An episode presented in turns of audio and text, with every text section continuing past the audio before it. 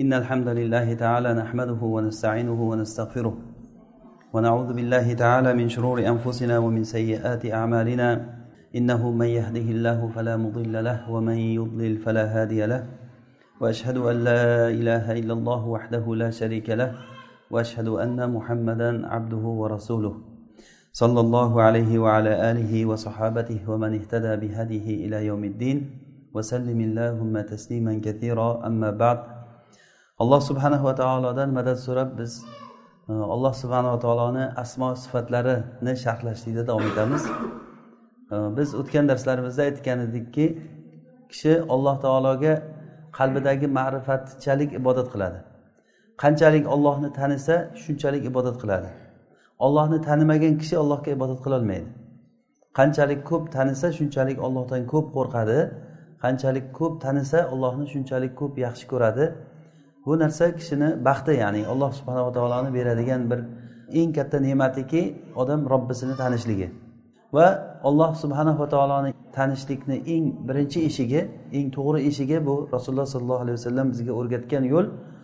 Ollohni ism sifatlari orqali ollohni tanishlik. Biz o'tgan darsimizda ollohni latif sifati haqida gapirgan edik. Latif ismi va bundan alloh taologa lutf egasi degan ya'ni alloh taolo latif zot. Latif sifati bor alloh taoloni. Buni aytgan edikki latifni ikkita ma'nosi bor. Asosan ikkita ma'nosi bor. Birinchisi nozik narsalarni bilish biluvchi degani. Ya'ni alloh subhanava taolo eng nozik bo'lgan narsalarga ham ilmiy yetib boradi degani.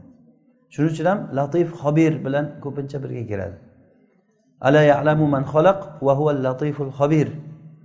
Alloh taolo latiful xobir deb xabir sifati bilan birga keladi dedik. Ikkinchi latifni ma'nosi bandalar bilmagan holatda ham alloh taolo yaxshilik qilaveradi degani. Mana bu latifni ikkinchi ma'nosi. Ya'ni ollohni yaxshiligi ertayu kech odamlarga kelib turadi kelib turadi lekin insonlar buni sezmaydi. Latif sifatlik zot shundayki bilmasdan ham u yaxshilik qilinadigan odam buni sezmasa ham yaxshilik qilaveradi. Mana bu latif degani.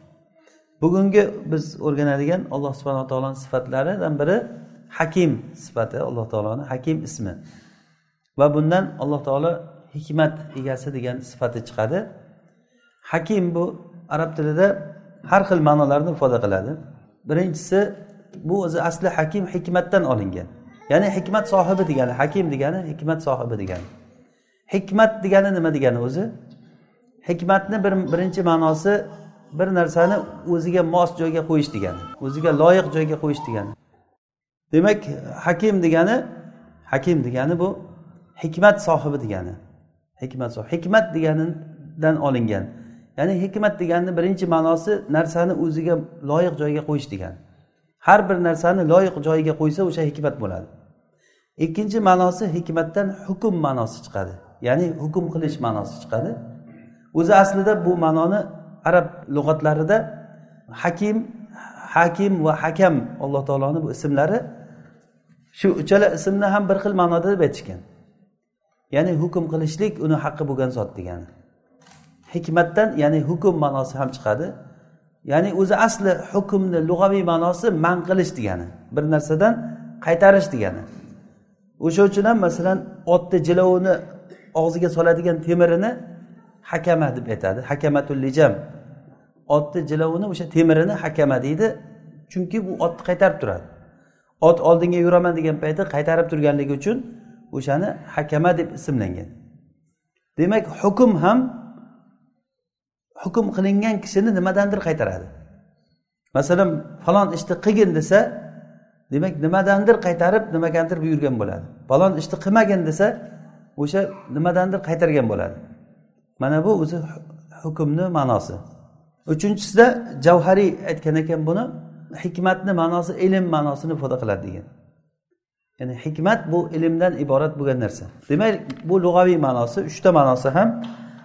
Mana shu uchala ma'nosi shar'iy ma'noga olib qaralsa agar alloh subhanahu va taoloni hakim ismida mana shu uchala ma'no ham to'liq ko'rinadi.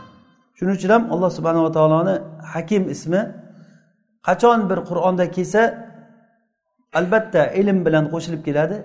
Aliman hakima alloh taolo hikmatlik va biluvchi zot degani. Yoki alimun xobir azizun hakim deb turib bir sifatlarga qo'shilib keladi. Alloh taoloni hakim ismi qur'onda to'qson bir o'rinda kelgan ekan. Hadisda bir necha o'rinlarda kelgan. Alloh taoloni hakim ekanligi bir qancha o'rinlarda kelgan. Ya'ni bu qur'onda ham demak sunnatda ham juda ko'p kelgan. Nega bu juda ko'p kelgan?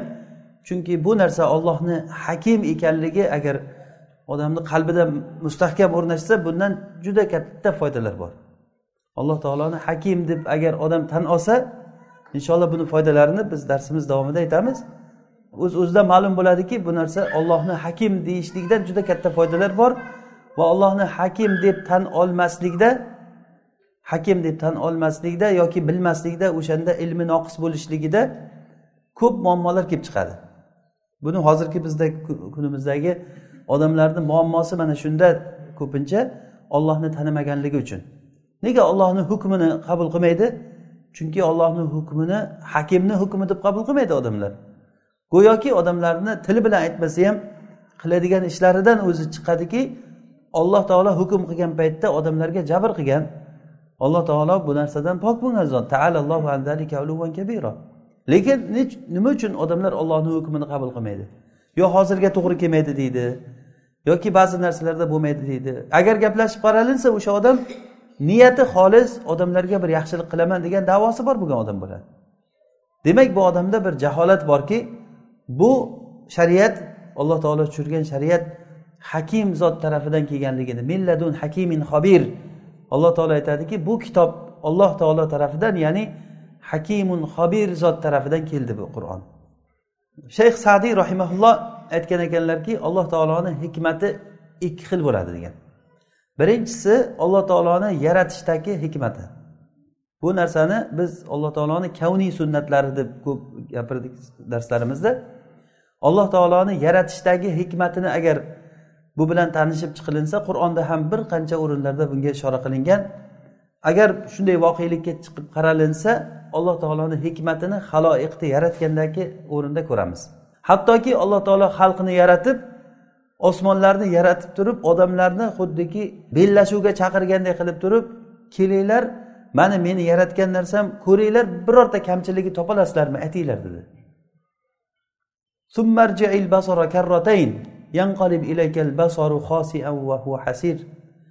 Qara osmonga qara hal taromin futur osmonda biror bir kamchilik ko'rasanmi mana u joyi mana bunday bo'lsa edi deb hech kim aytolmaydi shunchalik darajada katta bir hikmat bilan alloh taolo yaratdiki buni inson aqli bovar qilmaydi buni ko'p narsalarga inson aqli yetib borgan narsalarda insonni aqli lol qolyapti hozir hattoki qanchalik hozir masalan mana bu fan va texnikalar rivojlanib koinot sirlaridan ko'p narsalar ochilib ochilyapti hozir oldin ochilmagan narsalar. Masalan dengiz tagiga tushilindi osmonga chiqilindi yerlarni kovlab tog'larni tagiga kiryapti odamlar. Ko'ryaptida nimani ko'rsa ham kofir bo'lsa ham o'sha kofir odamlar ham bu narsaga shahodat berib aytyaptiki bu nihoyat darajada hakim zot tarafidan qilingan ish bu deb tan olyapti.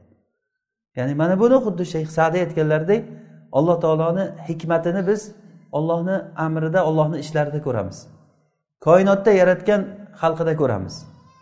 Har bir narsadagi moslik hattoki o'rmondagi hayotga qarasangiz ham o'rmondagi hayotdagi moslikdan juda katta hikmat uni orqasida yotganligini ko'rasiz. Hayvonlar bir birini yeyishligi ovqib yeyishligi yeganda ham haligi bir qarashda odamni rahmi keladi. Masalan suvga tushib suv ichayotgan hayvonlarni timsoh kelib turib ularni ovlagan paytida odam qaragan paytda o'shani yemasa edi degan agar odamga qo'yib bersa shuni yema deysiz hozir. Agar senga hukm qil shu yerda desa yo'q teginma unga yema deysiz. Lekin suvni tagida u timsohni ahvoli nima bo'layotganligini bilmaysiz siz. Agar u timsohni ahvolini ham bilsangiz yo'q shuni yemasa bo'lmas ekan iloji yo'q deysiz. Yeganda ham qaysi hayvonni yeyish kerak ekanligini agar uni orqasidan tushib qaralinsa ayni o'sha hayvonni yeganligidagi hikmatni odam ko'radi insonlarni hayoti ham xuddi shundan iborat bo'ladi. Yashashligi turishligi hamma ishimiz hattoki odamlardagi zulm qilingan holatda unga bo'ladigan javoblar hatto iymon ahlidan bo'ladigan holatlarda ham ularga alloh taoloni qiladigan ishlariga qaralinsa nihoyat darajada katta hikmat buni insonlarni boshqarayotganligini inson shohidi bo'ladi. Ikkinchi hikmat bu haqda o'zi asli alloh taoloni yaratishlikdagi hikmati haqida gapirilsa gap tugamaydi lekin.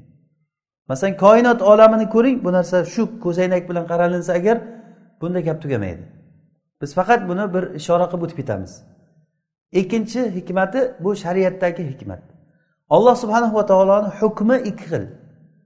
Kavniy hukmi bor va shar'iy hukmi bor. Kavniy hukmi degani hozir aytganimiz koinotda alloh taoloni buyuradigan hukmlari. Bunda hech kim hech narsa ollohni hukmidan chiqib ketmaydi. Har bir bo'ladigan ishlar olloh subhanava taoloni buyrug'i bilan alloh taoloni o'sha hikmati bilan bajariladi. Birorta suv yomg'ir tomchisi ollohni izn bermagan joyga tushmaydi. Shamol esishligi deysizmi? Xuddiki ba'zan odam qarasangiz daraxtlarni barglari shamollarda qimillagan paytida behudaga qimillatgandek ko'rinadi odamga lekin biror bir zarra birorta daraxtni daraxtni bargi tushmaydi illo alloh taoloni ilmi bilan ollohni buyrug'i bilan tushadi o'sha وما تسقط من ورقة إلا يعلمها ولا حبة في ظلمات الأرض ولا رطب ولا يابس إلا في كتاب مبين biror bir daraxtni bargi tushmaydi illo olloh subhanava taolo o'shani biladi. Daraxtni bargi tushishligi bu koinotda kislorodni miqdorini haligi muvozanatiga dalolat qiladi. Biz bilamizki hozir bizni yashab turgan muhitimizda kislorod yigirma bir foizni tashkil qiladi. Mana shundan kamayib ketsa ham hayotni tartibi buziladi ko'payib ketsa ham hayot tartibi buziladi. Daraxt bor joylarda ham kislorod yigirma bir foiz daraxt yo'q bo'lgan cho'l joylarda ham kislorod yigirma bir foiz. Alloh subhanava taolo shuni moslik bilan kerakli joyga odamlar yashayotgan joyga olib keladi. Odamlar kislorod olib karbonat angidrid chiqaradi. Daraxtlarni buni aksi qilib qo'ydiki karbonat angidrid olib kislorod chiqaradi. Mana shu moslik xuddiki bir masalan shisha idishga ustidan suv solib tursangizda va tagidan bir teshik ochib qo'yilinsa shu bitta belgi qo'yilsa o'sha idishga shu joyda haligi balans deymiz muvozanat shuni ushlab turishga. Mana shu moslik yigirma bir foiz ushlanib turilishi kerak. Mana bu ushlab turilishlikni iste'molchilari hayvonlar biz odamlar nima qiladi? E, tirik jonzotlar nafas oladi va uni chiqaradigan kislorod chiqaradiganlar o'simliklar. Bir biriga alloh taolo moslab qo'ydi va shuni yigirma bir foizga moslab qo'ydi alloh taolo. Olloh qodir edi insonni nafas olmaydigan qilib qo'ysa ham bo'lardi. Masalan nafas olmay ham yashasa olloh qodir edi shunaqa qilib yaratishlikka. Nega bizni nafas olib chiqaradigan qilib qo'ydi? Olloh o'zi biladigan bir hikmat uchun. Biror lahza ham biz ollohni ne'matidan behojat bo'lolmasligimizni bitta misoli mana shu nafas olishligimiz. Olamiz chiqaraveramiz uxlasak ham to'xtamaydi bu charchasak ham to'xtamaydi hech qachon to'xtamaydi. Doim nafas olib chiqarib turasiz. O'sha nafas olgan paytingizda qanchadir havo bizga kirib qanchadir narsa bizdan chiqib ketadi. Bu narsadagi bu moslik daraxtni bargi tushmaydi deganiga aytmoqchi edimki daraxtni bargi qachon kislorod chiqaradi? O'zidan ho'l namlik bo'lib tursa kislorod chiqaradi. Agar qurisa o'sha kislorod chiqarishligi tugaydi. Shu har bitta bargni qancha joyi qurib borsa shunchalik kislorod kamayib boraveradi toki qurib qolguncha. Qurib qolgandan kislorod chiqarishligi to'xtaydi u barg tushib ketadi. Mana shu har bitta bargni vazifasi bor va shu hozir koinotdagi yigirma bir foizga uni hissasi bor ulushi. U barg ketishi bilan boshqasi chiqib turishi kerak uni o'rniga. Xuddi boya aytganimizdek shisha idishdagi suv o'sha chiqadigan iste'mol qilinadigan havo bilan ishlab chiqariladigan havoni muvozanati bir xil turishligi kerak. Buni hakimin xobir boshqarmasa hech kim buni qilolmaydi o'sha uchun ham alloh subhanahu va taolo mana shu narsani aynan odamlarga eslatib biror bir daraxtni daraxtni bargi tushmaydi illo alloh taolo uni biladi degan. Va yerni zulmatlaridagi don zarrachalarni qanchalik darajada tuproqni tagidan nimalarni olib u ko'karyapti u? Qanchalik darajada tuproqdan o'ziga o'ziga kerakli narsalarni o'sha elementlarni olib o'simlikni chiqaryapti? Bunda alloh taolo o'zi alimun hakim bo'lgan zot bu narsani boshqarmasa hech kim buni hisob kitobini ololmaydi. Bu oddiy bir misol. Ikkinchisi alloh taoloni e, hikmatini biz shariatida ko'ramiz. Ollohni marhamati bilan bizga shariat yubordi. Payg'ambar yubordi va payg'ambar orqali bizga odamlar yashashligi uchun shariat. Bu shariatni biz fiqh kitoblarida o'qib o'rganamiz.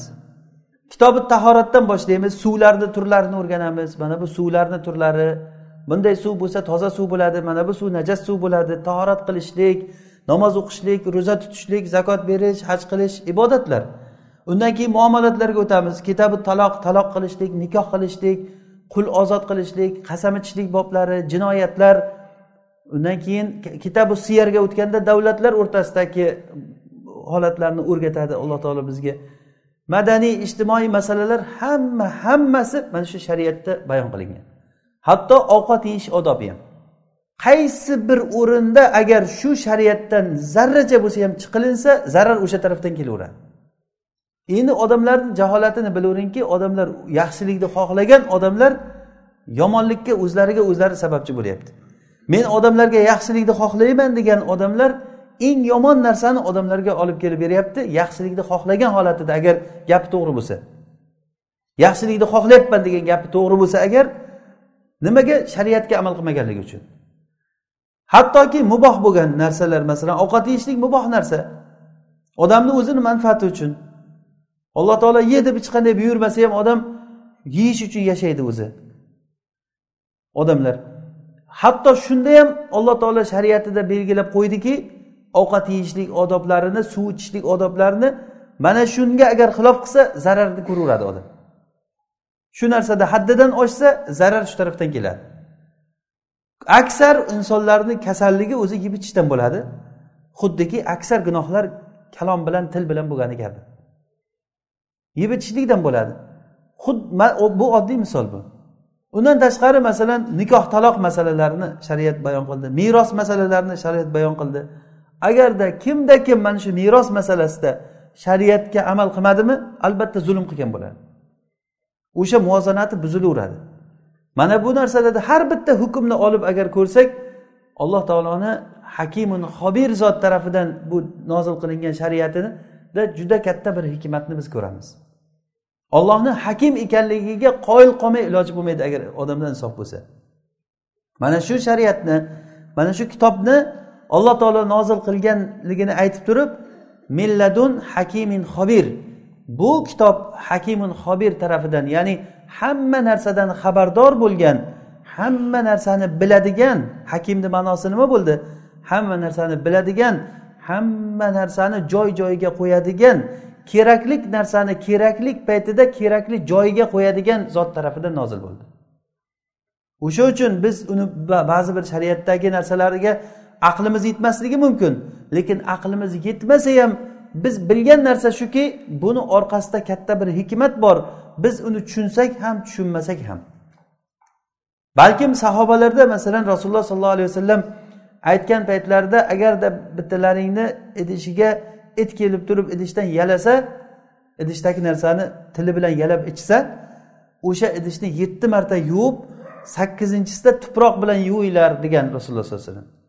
Rivoyatlar har xil kelgan ya'ni ulahunna bitturob uhrahunna bitturob saminatuhunna bitturob har qalay yetti marta yuvib bir marta tuproq bilan yuvish kerak.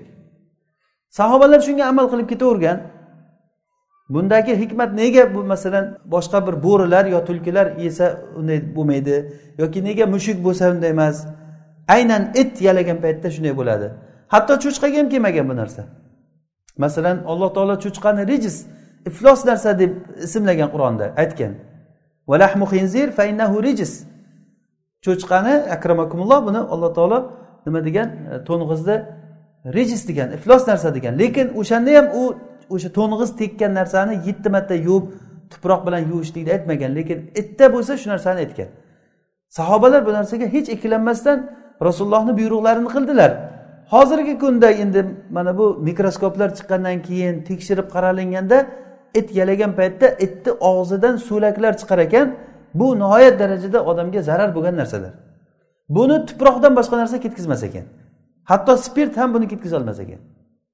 Hatto spirt bilan yuvganda ham masalan hozir meditsinadagi eng tozalovchi narsalarga kiradi spirt. Shu ham ketkaza olmaydi tuproq bu narsani ketkazgan. Buni hikmatini alloh subhanaa taoloni o'zi biladi. Mana bu bitta misol bu.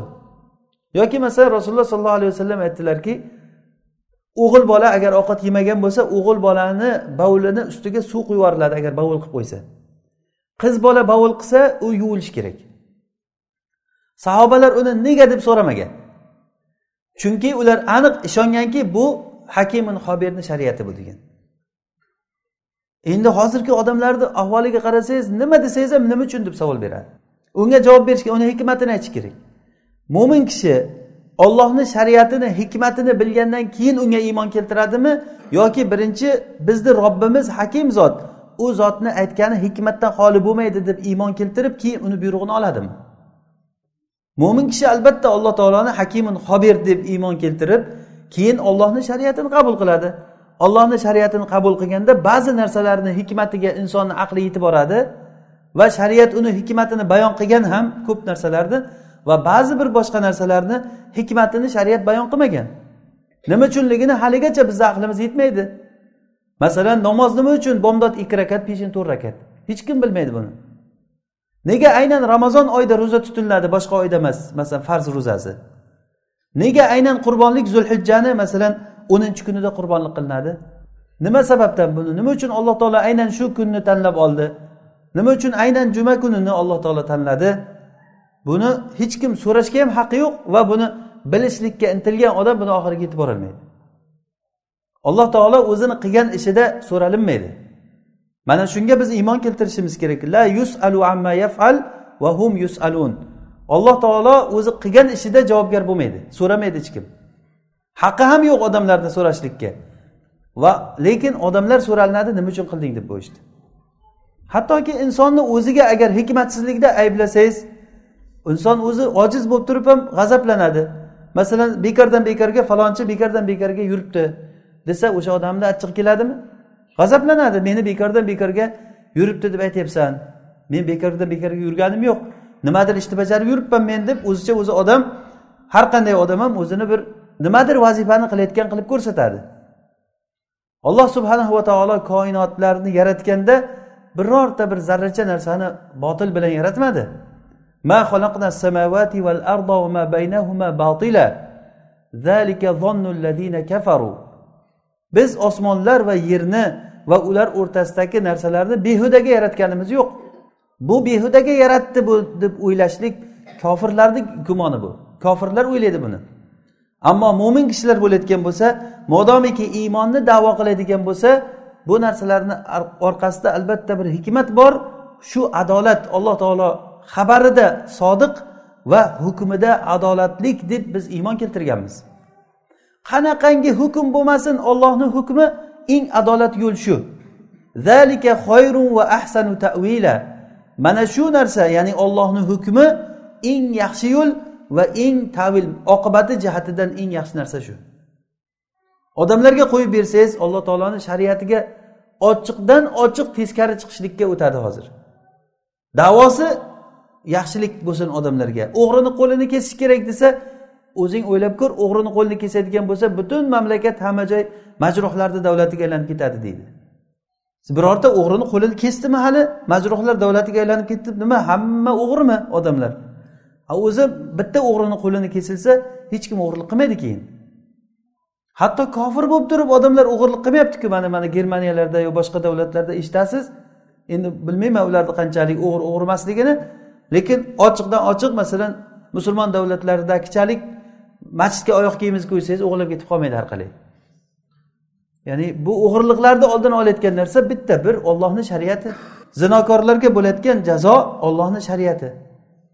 Mana shu narsaga agar shariatga amal qilinsa biror bir narsada muammo bo'lmaydi.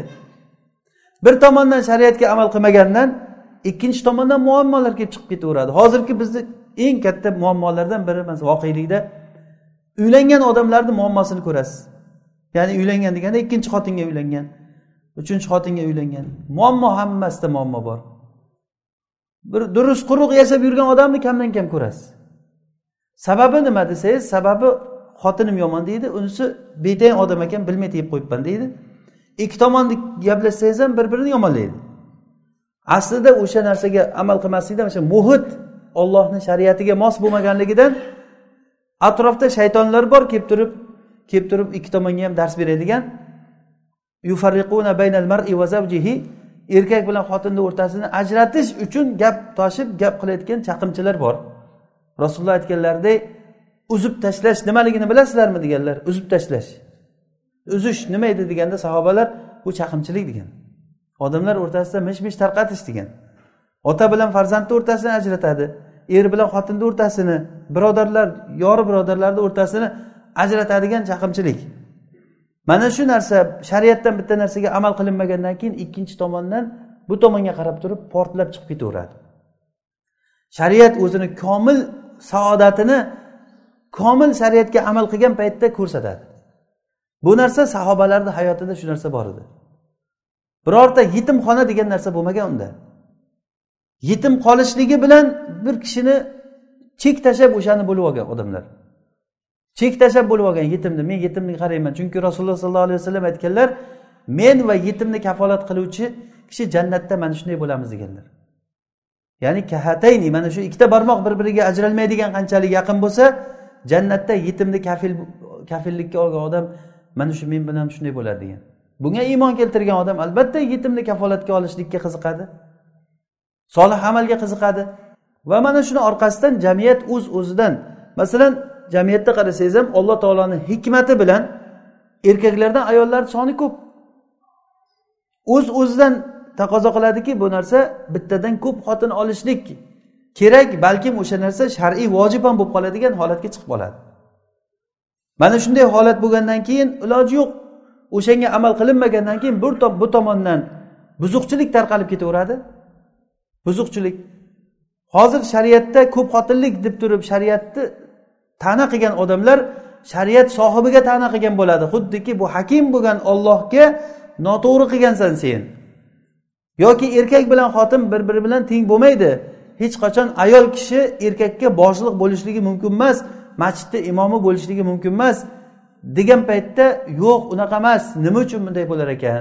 Erkak bilan xotinni huquqi teng bo'lishi kerak. Degan odam bu olloh taologa nima deb gapirayotgan bo'ladi? Mana shu odamga ollohni la'nati bo'lsin deb shariatda bir necha o'rinlarda la'nat aytilingan. Zino qilgan odamga aytilinmagan la'nat shariatga zid gapirgan odamga aytilingan la'nat. Ollohni shariatini yomon ko'rishlik qalbidan.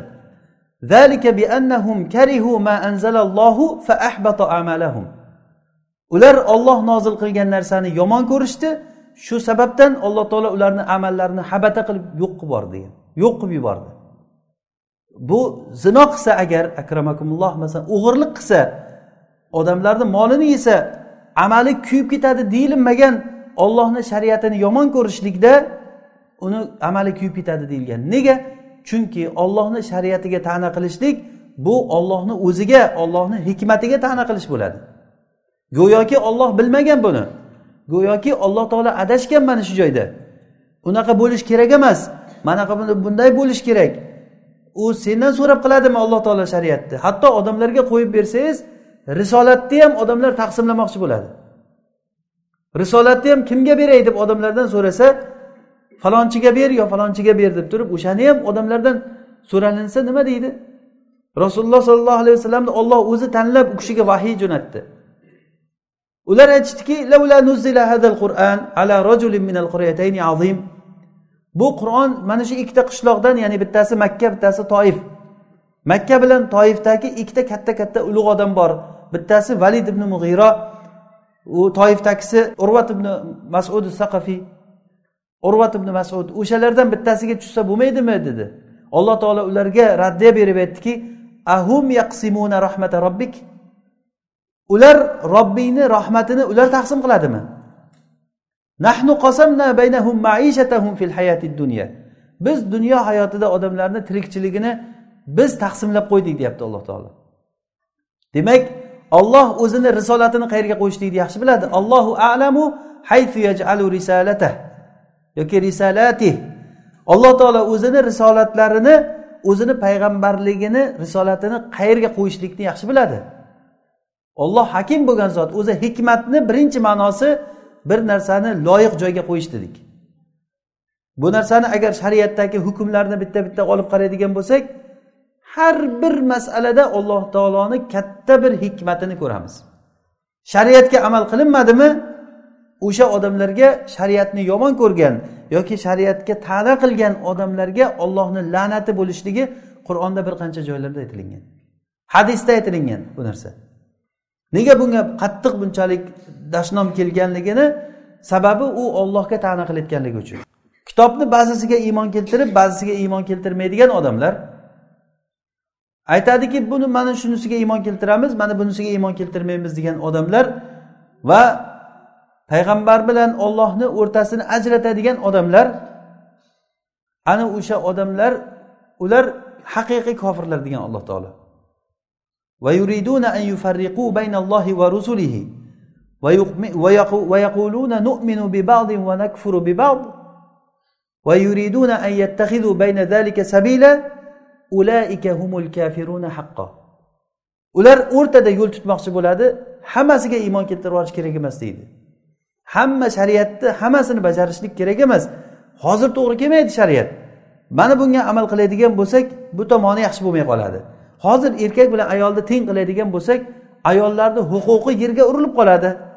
Agarda ikkita xotinga uylanayotgan bo'lsa erkak kishi birinchi xotinga xiyonat bo'ladi. Ah sen bilgan o'sha xiyonatni bu shariatni tushirgan robbil alamin xiyonatligini bilmagan ekanmi? Xiyonatga alloh taolo yo'l ochib bergan ekanmi? Bu nima degan gap bu? Birinchi xotiniga xiyonat bo'ladi bu degan odam nima deyayotganligini o'ylab ko'rsin avval. Xotiniga xiyonat qildi deganligi demak robbil alamin xiyonatga shariat qilib yo'l ochib berib qo'ygan degan mana bu narsani muammo qayerdan kelib chiqyapti?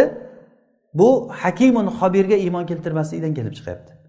Alloh taolo hakimun xobir bo'lgan zot demak sadiy rahimaulloh aytganlari kabi alloh taoloni hikmatini biz ikkita narsada ko'ramiz. Ollohni qilgan ishlarida ko'ramiz koinotdagi qilgan ishlarida va ikkinchisi ollohni shariatida ko'ramiz. Mana bu shariat bizni qo'limizdagi qur'on. Rasululloh sollallohu alayhi vasallam sunnatlari alloh taolodan so'raymizki hammamizga tavfiq bersin alloh taolo o'zini shariatiga to'liq amal qilishlikka. Biriga iymon keltirib biriga kofir bo'ladigan kimsalardan bo'lmaylik. Alloh taolo o'zi agar tavfiq bersa o'zi ilm bersa o'zi hidoyat bersa bu narsa allohga qiyin emas albatta. Lekin bizdan o'sha narsaga rag'bat o'sha narsaga istak xohish qabul qilishlik topilishlik kerak. Shariatni hikmatini tushunmaydigan qiziqmaydigan odam ilm o'rganmaydi. Bir xil yuraveradi boshdan oxirigacha. Nega qiziqmaydi odam hikmat o'rganishlikka? Ya'ni hikmat bu mo'minni yo'qotgan narsasi. Al hikmatu dollatul mo'min mo'minni yo'qotgan narsasi qayerda ko'rsa o'shani olishlikka mo'min haqli hatto shaytondan ko'rsa ham. Biz agar to'g'rilikni shaytondan bo'lsa ham qabul qilamiz. Rasululloh sollallohu alayhi vasallam aytdilar abu xurayraga shayton kelib turib men senga bir narsani o'rgataman agar sen hikmatga qiziqadigan bo'lsang men senga bir narsani o'rgataman. Uch kun shaytonni ushlab oldi u kishi sadaqadan o'g'irlaydigan paytda. Uchinchi kuni qattiq mahkam ushladilarki endi seni rasulullohni oldiga olib boraman. Deganda shayton aytdiki men senga bir narsani o'rgataman qo'yib yuborsang degan. Abu hurayra ilmga qiziqqanligidan o'rgat degan. Shunda aytdiki agarda har kuni kechqurun bo'lganda oyatil kursini o'qigin senga ertalabgacha shayton yaqinlashilmaydi degan shunda bu ilmni o'rgatgandan keyin uni qo'yib yuborgan. Shunda rasulullohga borib aytganda rasululloh aytdilarki sen kechagi asringni nima qilding ushlagan asring? dedilar. Hali aytmasdan turib. Ey rasululloh u shunaqa shunaqa bo'ldi. Keyin menga ilm o'rgataman bir hikmatli gapni aytaman degandi qiziqib nima edi desam shu gapni aytgandan keyin qo'yib yubordim. Deganda rasululloh aytdilarki sodaqaka vahva kazub o'zi yolg'onchiyu lekin to'g'ri gapiribdi dedilar. Ya'ni vahva kazub bu sanadini kazzobligi. Sanat kazzob. Lekin matn sahih degani. Senga yolg'on gapirgan lekin ma'nosi to'g'ri gapni gapirgan bu. Sen o'zi bilasanmi uch kundan beri kim bilan gaplashyapsan dedilar. Yo'q deganda u shayton edi degan. Shayton bilan gap hatto o'sha shaytondan kelgan haq gapni rasululloh sollallohu alayhi vasallam tasdiqlagan. Demak hikmat mo'min kishini yo'qotgan narsasi. Biz albatta hikmat hikmat istab injil o'qimaymiz hikmat istab tavrot o'qimaymiz. Bizni qo'limizda sunnatlar hozir to'lib toshib turibdi. To'lib toshib to'kilib ketyapti hech kim hech narsa olmaydi. Qiziq joyi hozir ilm shunchalik darajada ko'tarilib ketdiki ko'tarilib tarqalib ketganligidan ilm beqadr bo'lib qoldi. Birorta odam dinini o'rganishlikka qiziqqanligini ko'rmaysiz. Mana sahobalarda jobir roziyallohu anhu bitta hadisni biladigan kishi misrda ekan deb eshitganligidan tuya sotib olib turib misrga borib turib o'sha sahobiyni topgan. Bir hadis uchun. Eshikni taqillatgan paytda haligi sahobiy chiqib turib sahobiyni ko'rib quchoqlashib ko'rishib keling ichkariga kiraylik deganda rasulullohdan bir hadis eshitgan ekansiz. O'sha hadisni aytib bering degan. Shuncha yo'ldan keldingiz a to'xtang bir dam olaylik ichkariga kiraylik degan avval hadisni ayting keyin kiramiz degan ekan. Chunki men shu hadisda balkim meni najot topishligim shu hadisda bo'lishligi mumkin. Men buni bilmasdan oldin o'lib qolishdan qo'rqaman yoki siz o'lib qolishingiz mumkin menga aytishdan oldin degan. Hadisni aytgan keyin ichkariga kirgan. Shu hadis uchun shuncha joyga keldingizmi deganda shu hadis uchun keldim degan. Atay tuya sotib olib turib bitta hadis olishlik uchun madinadan misrga borib turib hadis eshitib qaytib ketgan. Bir hadisni u kishini fahmini qarang agar meni oxiratimda najot topishligim balkim shu hadisda bo'lishligi mumkin deb o'ylagan.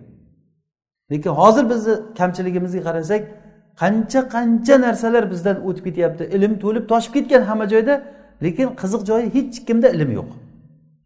Na bir qur'on o'qish bilamiz na bir ma'nosiga qiziqamiz uni na bir rasulullohni sunnatiga qiziqamiz.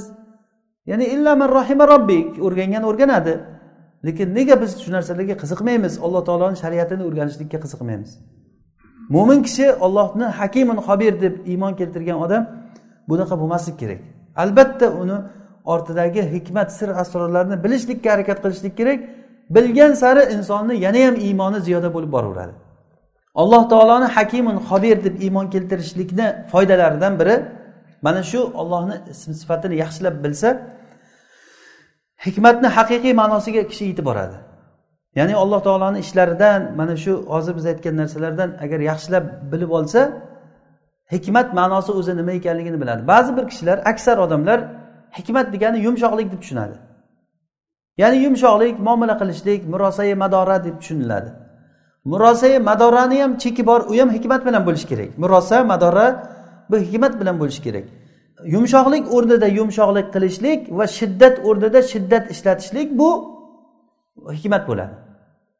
Ya'ni rasululloh sollallohu alayhi vasallamni va sahobalarni alloh taolo maqtagan paytda ruhamau baynahum ashiddau alal kuffari ruhamau baynahum deb maqtagan.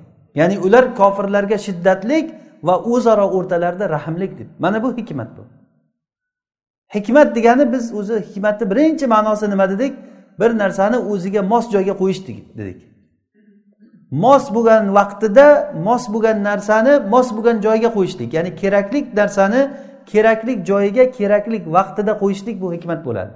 O'shani ilm bilan qo'yishlik hikmat bo'ladi. Bu narsa alloh subhanava taoloni ishida. Ham kavniy ishi bo'lsin ham ollohni shar'iy ishi bo'lsin. Yuz foiz alloh taoloni mana shu ishlardagi hikmatini biz ko'ramiz. Sovg'a beriladigan joyga qilich berishlik yoki qilich qo'yiladigan joyga sovg'a berishlik bu hikmatdan bo'lmaydi. Bir shoir aytadiki in anta akramtal karima mallaktahu. Va in anta akramtal laima tamarrada agar sen karimni hurmatga loyiq odamni hurmat qilsang uni podshoh qilgan bo'lasan. Ya'ni o'sha odamga loyiq joyga qo'ygan bo'lasan hurmatingni. Lekin pastkash odamni hurmat qilsang u pastkash odam haddidan oshadi. Hatto yong'oqni ham ustiga bitta tosh bilan urmagunizcha ichidagi mag'zini bermaydi. Hikmat o'shani kallasiga bir urish kerak. Keyin ichidagi mag'zi chiqadi. Har qancha pepaslab ovqalang ham u ichidagi mag'zini bizga chiqarib bermaydi bir tosh bilan bir majaqlamaguncha. Mana bu narsa hikmat deyiladi. Demak hikmat deganda har bir narsani joy joyiga qo'yish masalan uyqurgan paytda g'ishtlarni tergan paytida hikmat bo'lish uchun g'ishtlarni joy joyiga terish kerak. Bir qator qilib turib adolat qilyapman deb turib hammasini terib ketaversa u qulaydi u. Demak o'sha kerakli joy kerak bo'lsa butun g'ishtni sindirishga to'g'ri keladi hikmat taqozo qiladiki shu butun g'ishtni sindirish kerak. Ba'zi paytda bir xil joyga g'isht emas bitta kesakcha bir narsani tiqib qo'yish kerak bo'ladi. Mana shu narsa hikmat bo'ladi. Demak birinchi bizni oladigan foydamiz hikmatni ma'nosini to'g'ri tushunamiz. Ya'ni hikmat deganda shiddat joyida shiddatli bo'lish va yumshoqlik joyida yumshoq bo'lish. Rasululloh sollallohu alayhi vasallam eng yumshoq kishi edilar.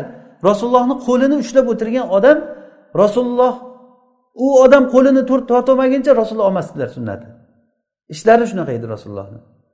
Rasululloh bilan yonma yon yurgan agar yuzma yuz bir kishi rasululloh bilan gaplashib tursa o'zi malollanib teskari qaramaguncha rasululloh unga qarab gaplashib turaverardilar endi sahobalar rasulullohdan haybatlangan endi rasulullohni shunaqaligini bilib yuziga qarab gapirib o'tiravermagan ular. Lekin rasulullohda mana shunaqangi bir xulq sohibi edi u kishi. Lekin o'shanday bo'lgan kishi joyi kelgan paytda g'omidiyalik bir ayol o'g'irlik qilgan paytda hamma odam shunga rahmlilik qilib o'shanga o'rtaga tushib shu ayolni qo'li kesilmasa bo'lardi. Bu ayol bilmay qilib qo'ygan bu ishini yoki bir juda sharafli odamda endi qo'lini kessak qanday bo'lar ekan buni? Nima qilsak bo'ladi deganda hech bir odam voy sizlar ollohni shariatiga teskari kelyapsizlarmi demadi. Hattoki usomat ibn zaydni oldiga kelib turib rasulullohga eng yaqin odam eng suyukli odam shu deb bilib usomaga kelib iltimos qilishdiki rasulullohga aytgin shuni qo'lini kesmaylik shu ayolni deb. Eng sharafli qavmdan ekan ham yana ayol kishi ekan. Usoma ham o'ylab ko'rmasdan rasulullohga borib ey rasululloh shu ayolni qo'lini kesmaylik degan. Rasululloh shunday g'azablandilarki yuzlari qizarib ketdi rasulullohni. Ey usoma sen ollohni hududidan bo'lgan hududlarda menga kelib turib o'rtakashlik bo'lyapsanmi? Ikkinchi bunaqangi holatda seni ko'rmayin dedilar. Sizlardan oldingi odamlar xuddi mana shunday bu halok bo'lib ketgan. Agar ularda bir sharafli odam o'g'irlik qilsa qo'lini kesishmay ollohni hududini bajarmasdi. Agarda oddiy odamlar o'g'irlik qiladigan bo'lsa uni qo'lini kesishgan. Mana shu narsa ularni halokatga uchratdi. Mana bu shiddatni ko'ring. Rasulullohni shiddatini oldida hech kim turolmas edi hatto urush maydonlarida rasulullohni o'rab himoya qilib turgan sahobalar shiddat bo'lgan paytda rasululloh bilan himoyalanib qolgan. Ya'ni urush qattiq bo'lgan paytlarda rasululloh bilan himoyalanardik deydi sahobalar. Bu narsa rasululloh sollallohu alayhi vasallam yumshoq kishi edilar lekin joyi kelganda shiddatli edilar.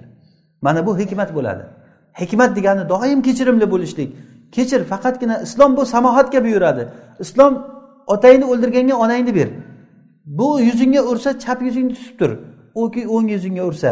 Ko'ylagimni so'rsalar to'nim yechib beraman. Chap yuzimga ursalar o'ngim tutib turaman degan narsa bu yaxshi narsa. Lekin shu bizga aslul asil bo'lib qolishligi dinimizni aslisi hayotimizni manhaji shu bo'lib qolishligi bu bunaqa emas bu. Ikkinchisi foydasi ollohni shariatiga ergashishlik chiqadi.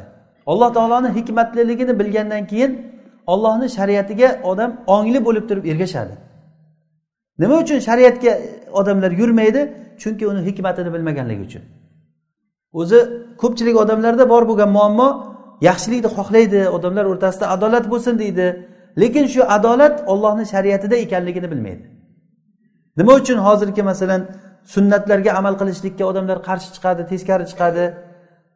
Oddiy mahram nomahramchilik masalasida uyda yashab yurgan paytlarida ha o'zingnikiku endi begona qilib yubormagin o'tir sal ro'molingni bundayroq o'rab o'tir oldida qarindoshing bo'ladi seni ammangni o'g'li bo'ladi bu seni.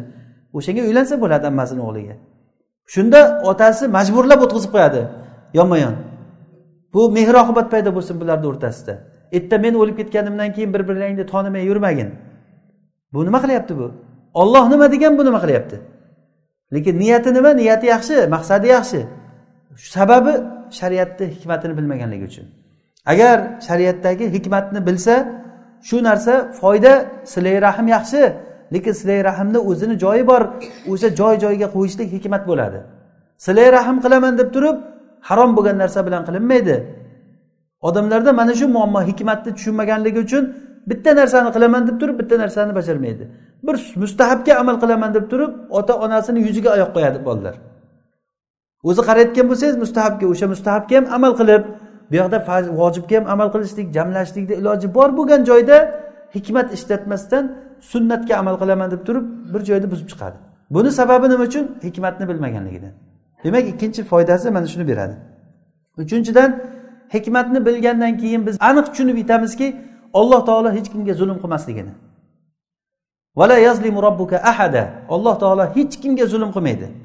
Va in taku mithqala habbatin min khardalin fatakun fi sahratin aw fi samawati aw fil ardi ya'ti biha alloh agar qilingan ish zarra misqolichalik yaxshilik qilgan bo'lsangiz ham osmonlarda yerlarda bir toshni qarasanglar toshlarni ichida qolib ketgan bo'lsa ham o'shani qiyomat kuni olib kelib taroziga tashlanadi.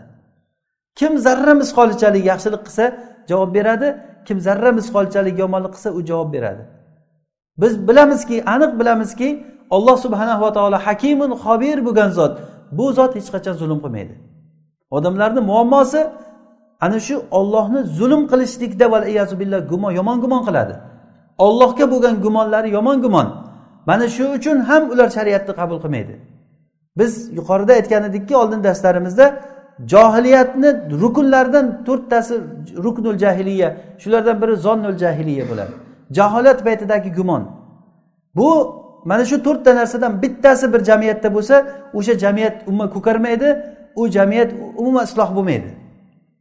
Agar uni hammasi bo'lsa nima qilasiz keyin shulardan biri ollohga yomon gumon qilishlik. Ayni shu rasululloh payg'ambar bo'lib kelgan paytlarida makka mushriklarida bor bo'lgan kasallik edi bu. Bu hozirgi kunda bizni odamlarimizdagi bo'lgan narsa shu. Alloh taoloni zolim deb o'ylaydi. Subhanahu va taolo ya'ni alloh taolo bizga payg'ambar yuborib bizga kitob tushirgan paytda zulm qilgan ekan. Men ollohdan ko'ra rahmliroqman deb turgan bo'ladi o'sha odam. O'zi tili bilan aytmasa ham lekin holat tili bilan shuni ko'rsatadi. Go'yoki u ollohni zolimlikda ayblab o'zini xalqparvar mehribon hammaga yaxshilikni xohlaydigan bir insonman deb ko'rsatadi. Aslida bu odam olloh la'natlagan eng kazzob odam bo'ladi. Kimda kim agar alloh taoloni mana shunday gumon bilan gumon qilsa bu billah uni oqibati nihoyat darajada yomon narsalarga olib keladi. Biz buni yuqori darslarimizda oldin darslarimizda aytgan edikki bu zonnul jahiliya johiliyat paytini gumoni bu. Ollohga bo'lgan gumonlari mana shu darajagacha olib keldi. Demak ollohni hakimun xobir deb bilgandan keyin bizda bir ilm paydo bo'ladiki alloh taolo zulm qilmas ekan. Alloh taolo hatto zulm qilishlikni o'ziga harom qildi. Va odamlar o'rtasida zulm qilishlikni harom qildi. Alloh taolo aytdiki men o'zimga zulmni harom qildim. Inni harramtu zulma ala nafsi va ja'altuhu baynakum muharraman fala muharraman fala tazalamu men o'zimga zulmni harom qildim. Sizlar o'rtalaringda buni harom qildim. Bir birlaringga zulm qilmanglar dedi alloh taolo. Bu hadis qudusiyda demak robbimiz hech qachon zulm qilmaydi. Inshaalloh bu suhbatimizni davomi bor. Vaqtimiz oxiriga yetib qoldi.